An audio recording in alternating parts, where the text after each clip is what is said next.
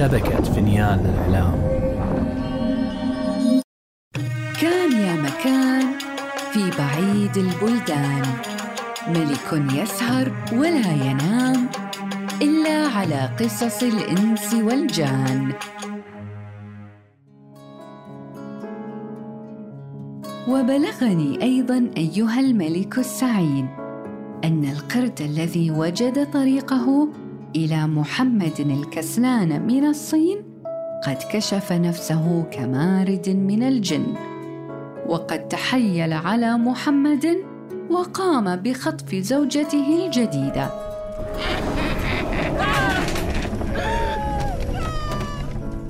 لا! ماذا فعلت أيها المارد؟ ماذا فعلت بزوجتي؟ فعند ذلك وقعت الضجة. وإذا بالشريف قد أقبل وهو يلطم على وجهه. وقال يا محمد ما هذا الفعل الذي فعلته معنا؟ هل هذا جزاؤنا منك؟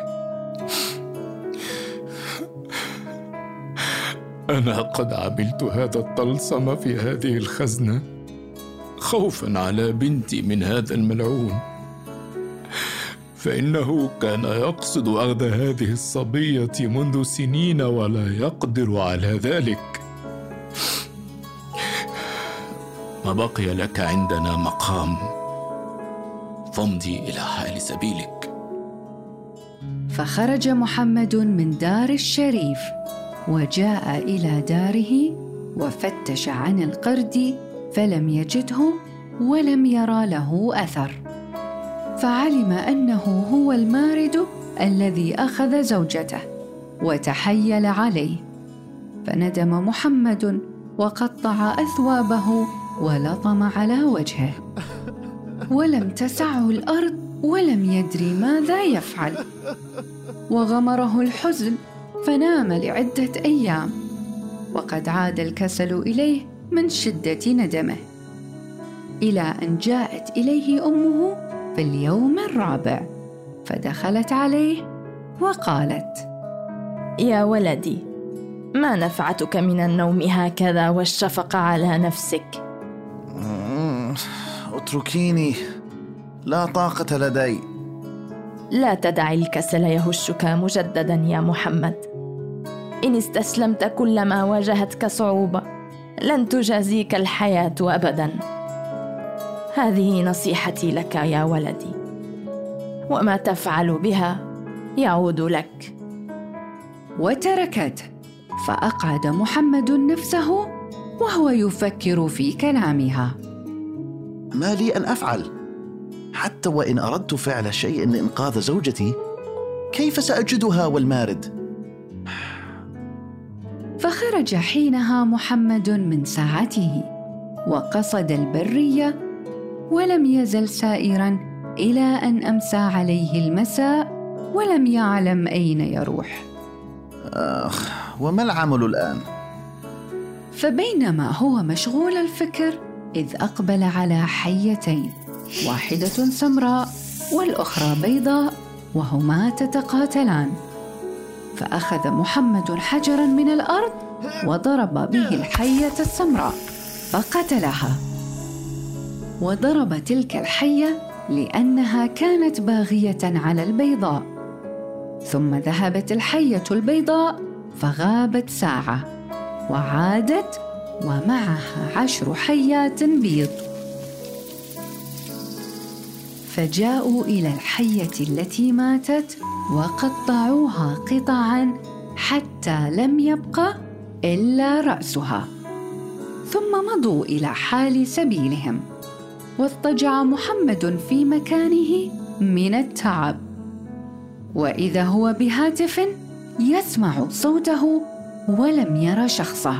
والصوت يقول هذين البيتين دع المقادير تجري في أعنتها.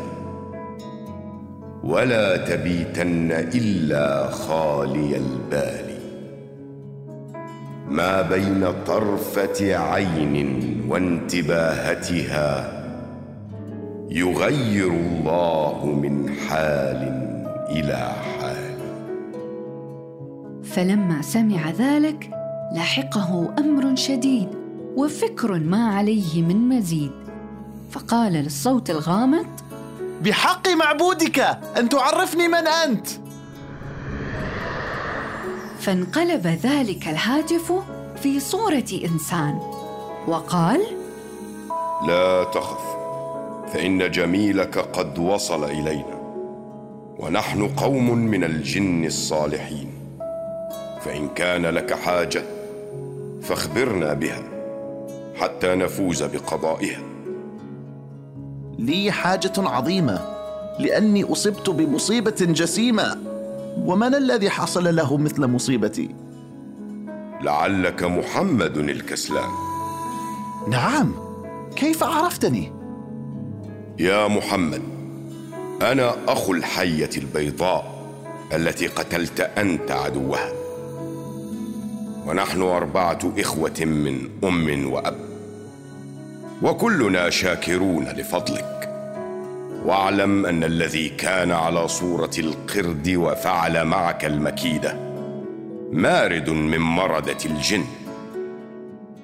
ولولا أنه تحيل بهذه الحيلة ما كان يقدر على أخذ زوجتك أبدا. لأن له مدة طويلة وهو يريد أخذها فيمنعه من ذلك هذا الطلسم. ولكن لا تجزع يا محمد من هذا الأمر.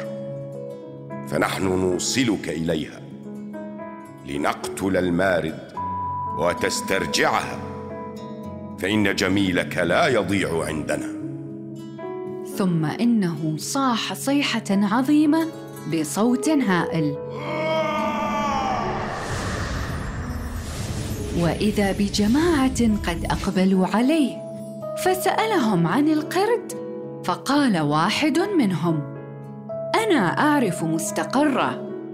وأين ذلك؟ قال في مدينة النحاس التي لا تطلع عليها الشمس. اذا يا محمد سر مع هذا السجين من المردة الذي أمسكناه. هو يحملك على ظهره ويعلمك كيف تأخذ الصبية. ولكن اعلم امرا أننا سحرنا هذا المارد بحيث لا يمكنه الخروج عن طاعتك وهو سجين. ولكن إن نمت وهو حاملك انكسر السحر. فإذا حملك لا تدع النعاس يغلبه فإن نمت أوقعك وتركك. تردد محمد للحظة عندما سمع ذلك ولكنه وجد عزيمته ووافق. ثم أخذ السجين المارد الذي انحنى وقال اركب. فركب على ظهره ثم طار به في الجو. حتى غاب عن الدنيا ورأى النجوم كالجبال الرواسي. وبدأ المارد يحدثه ويحاول أن ينيمه. ومحمد يحاول مقاومة التعب الذي غلبه. إلى أن ودون وعي أغلق عينيه للحظة فحينها ضحك المارد وأوقع محمدا واختفى. وسقط محمد فراح يهوي إلى الأرض حتى وقع في بحر أجاج متلاطم بالأمواج. وإذا بسفينة فيها خمسة أشخاص بحرية وجدوه فلما رأوه حملوه في السفينة وصاروا يكلمونه بكلام لا يعرفه. فأشار لهم أنه لا يعرف كلامهم. فساروا إلى آخر النهار. ولم يزالوا سائرين حتى وصلوا به إلى مدينتهم. فدخلوا به إلى ملكهم وأوقفوه بين يديه. فقبل محمد الأرض فخلع عليه خلعة. وكان ذلك الملك يعرف اللغة العربية. فقال بابتسامة هل أنت محمد الكسلان؟ نعم أنا هو. أتعرفني يا مولاي؟ لا تخف. فإن جميلك وصل إلينا. فأنا أخو الحية الثاني وأنت الآن في إحدى بلاد الصين. وقريب من مكان الصبية التي تريد الوصول إليها. ففرح محمد بالخبر ثم إن الملك سلم محمدا إلى فارس من المملكة. وأمره بأن يسير به إلى البرية إلى مكان محدد. اسمعني يا محمد. عندما تصل إلى المكان الذي حددته للفارس سر بين الجبلين اللذين ستجدهما حتى ترى مدينة النحاس. ولكن قف بعيدا عنها ولا تدخلها. حتى يأتي إليك أخي ويقول لك كيف تصنع. فقال محمد سمعا وطاعة. ثم إن ذلك الفارس أردفه خلفه وسار به إلى البرية وتركه. ونزل محمد من خلفه ومشى حتى وصل إلى المدينة. فرأى سورها شاهقا فجعل يدور حولها لعله يجد لها بابا فما وجد. وبينما هو يدور حولها وإذا باخي الحية الأول قد أقبل عليه وألبسه درعا يحميه وأعطاه سيفا مطلسما حتى لا يراه أحد. سأعود لك بعدما تنجح فيما تسعى يا محمد. ثم إنه مضى إلى حال سبيله فلم يغب عنه إلا قليلا. وإذا بصياح قد علا ورأى محمد خلقا وأعينهم في صدورهم يظهرون.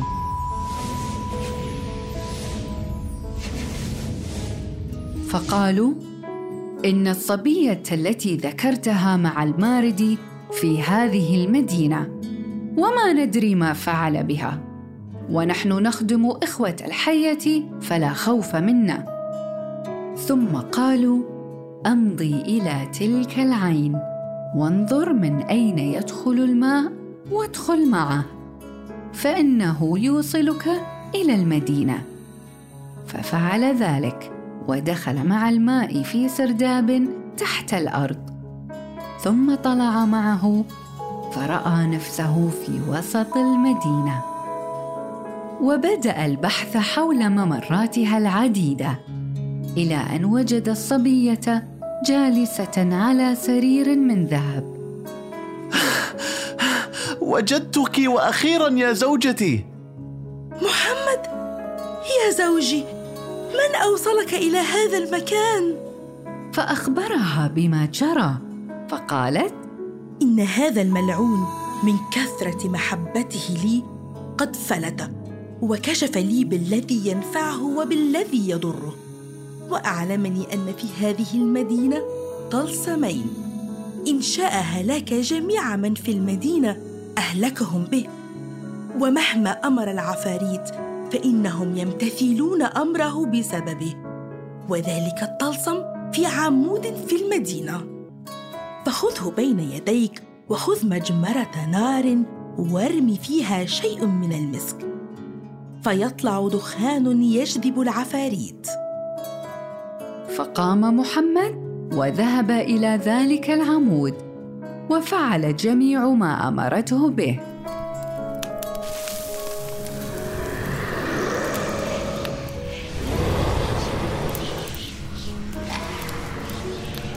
فجاءت العفاريت وحضرت بين يدي محمد وقالوا لبيك يا سيدي فمهما أمرتنا به فعلناه.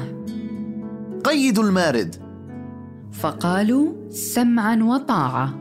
ثم ذهبوا إلى ذلك المارد وقيدوه وشدوا وثاقه. ورجعوا إلى محمد وقالوا قد فعلنا ما أمرتنا به. أدخلوه في قمقم نحاس. فأدخلوه في قمقم ضيق من نحاس وسدوا عليه بالرصاص. ثم أمرهم بالرجوع والاختفاء ففعلوا. ورجع هو إلى زوجته وأخبرها بما حصل. وقال يا زوجتي سامحيني. هل تروحين معي؟ نعم يا زوجي أروح معك بكل سرور. وأقام محمد وزوجته في هناء وسرور. وقد عرف محمد من حينها كمحمد السيد لسيطرته على مردة الجن.